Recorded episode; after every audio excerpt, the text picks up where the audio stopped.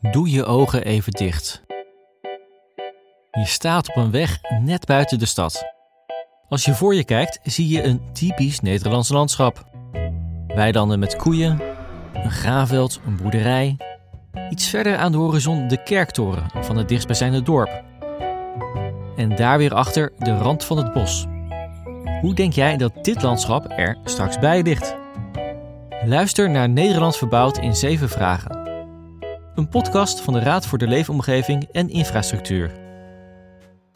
Mijn naam is Quintin Wierenga. En in deze serie hebben we het over de grote vraagstukken waar we voor staan in een klein land als Nederland, waar de ruimte schaars is.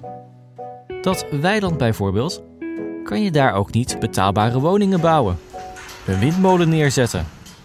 Of heeft de boer hier juist toekomst omdat hij zo aan het verduurzamen is?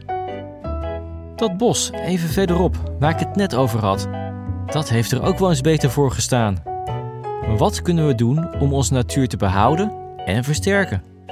En dan die stad achter je, waar het steeds drukker wordt.